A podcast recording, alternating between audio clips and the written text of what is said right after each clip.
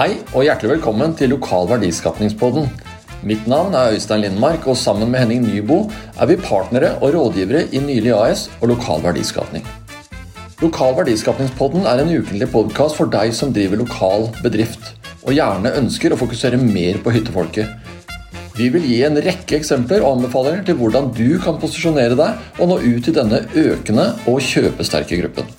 Vi har også laget et gratis minikurs om hvordan du kan få økt salg og lojalitet blant hyttefolket. Linken til dette finner du i podkastbeskrivelsen eller ved å gå til kurs.nyligas.no. Da setter vi i gang med dagens episode.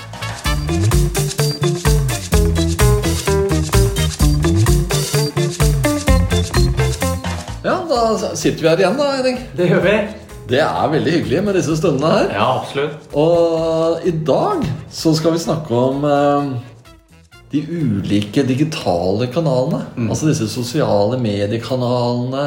Egentlig ja, også digitale aviser og, og, og det mangfoldet det er i det.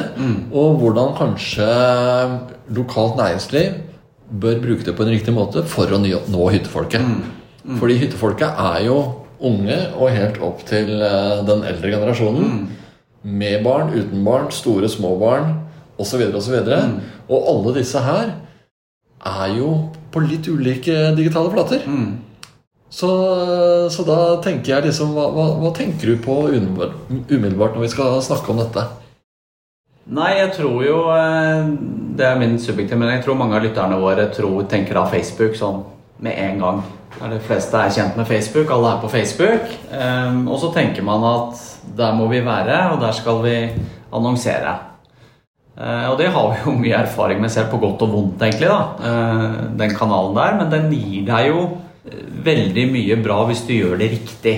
Men så er det jo ikke noe hemmelighet at den yngre generasjonen, altså mine barn, er jo ikke på Facebook. Det er jo ikke dine heller, selv om det er forskjellige aldersgrupper. Men det viktige å tenke på er jo at den yngre målgruppen påvirker jo foreldrene til å type både hjelpe kjøp, eh, hva man skal gjøre aktiviteter. Så, så det er jo det som er viktig med valg av digitale medier. ikke sant? Og du har jo snakker jo mye om den profileringen TikTok hadde ikke sant? under EM i fotball, hvor de hadde hele stadion eh, på disse, disse rundt eh, gressmatta. Og det er jo sikkert mange som tenker ja, men TikTok det er bare de yngre. Ja, men det er mange av de da som gjerne da vil dra på en eller annen guida sykkeltur, en topptur, overnatte i trehytter, kjøpe det utstyret. Så, så det er jo sånn utgangspunktet for den diskusjonen her. Men det er klart det er ikke noe hemmelighet at det er veldig mange digitale medier og plattformer nå. Så det handler jo om å navigere riktig. Det er jo det det går på. ikke sant?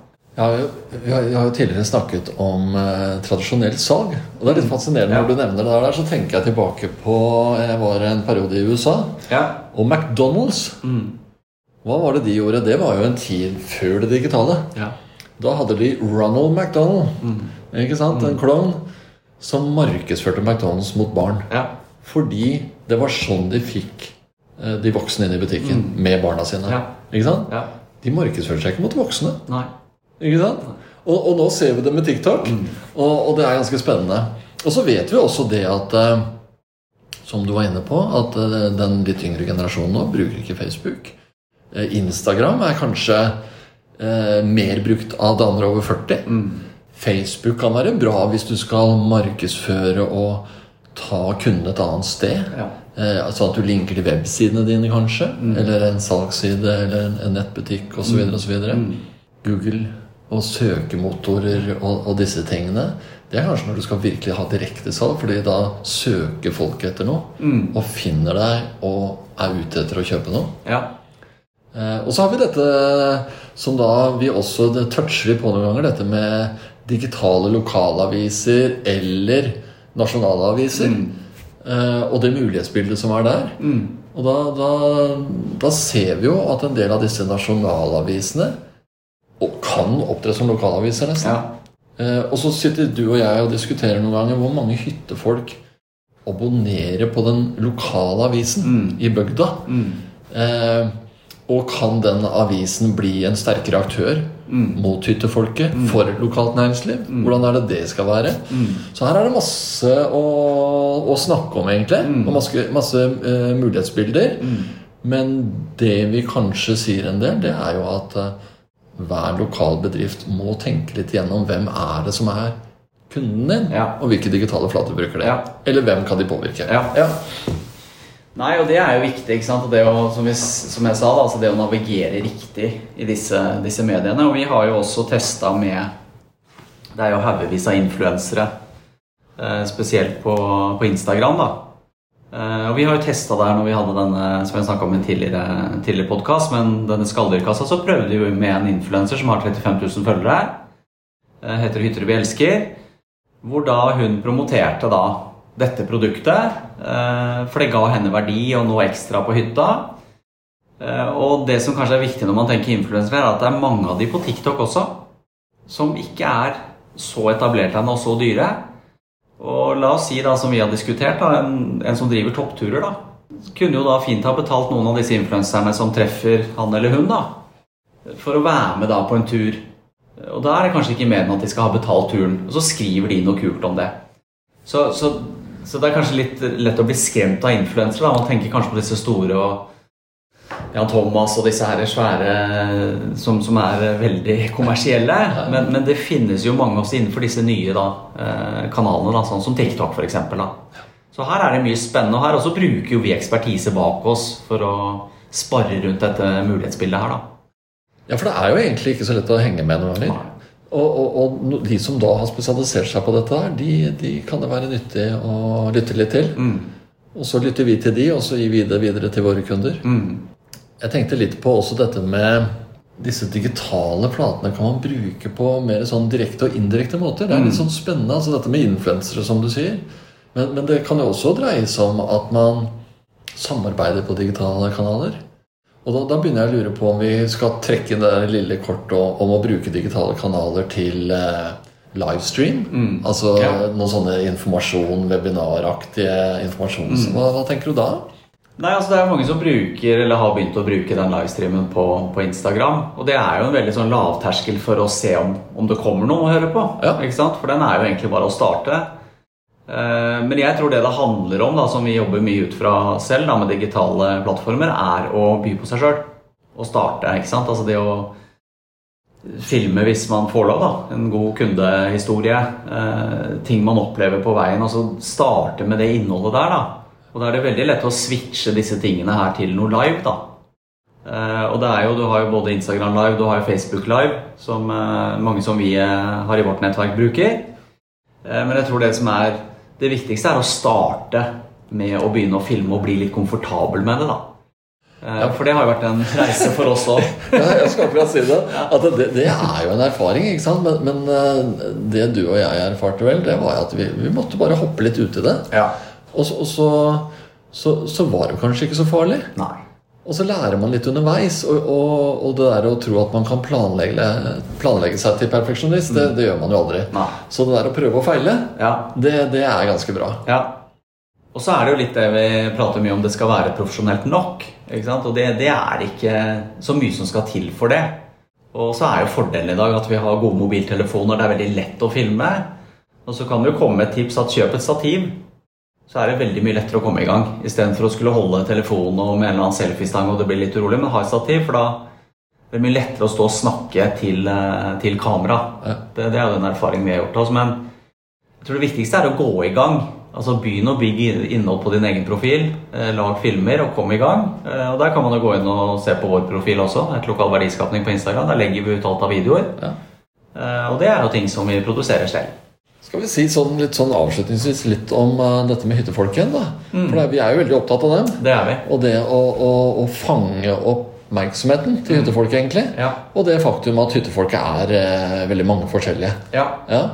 Nei, og Da tror jeg vi er tilbake til, eh, til det vi snakker mye om. altså det Hvis du f.eks.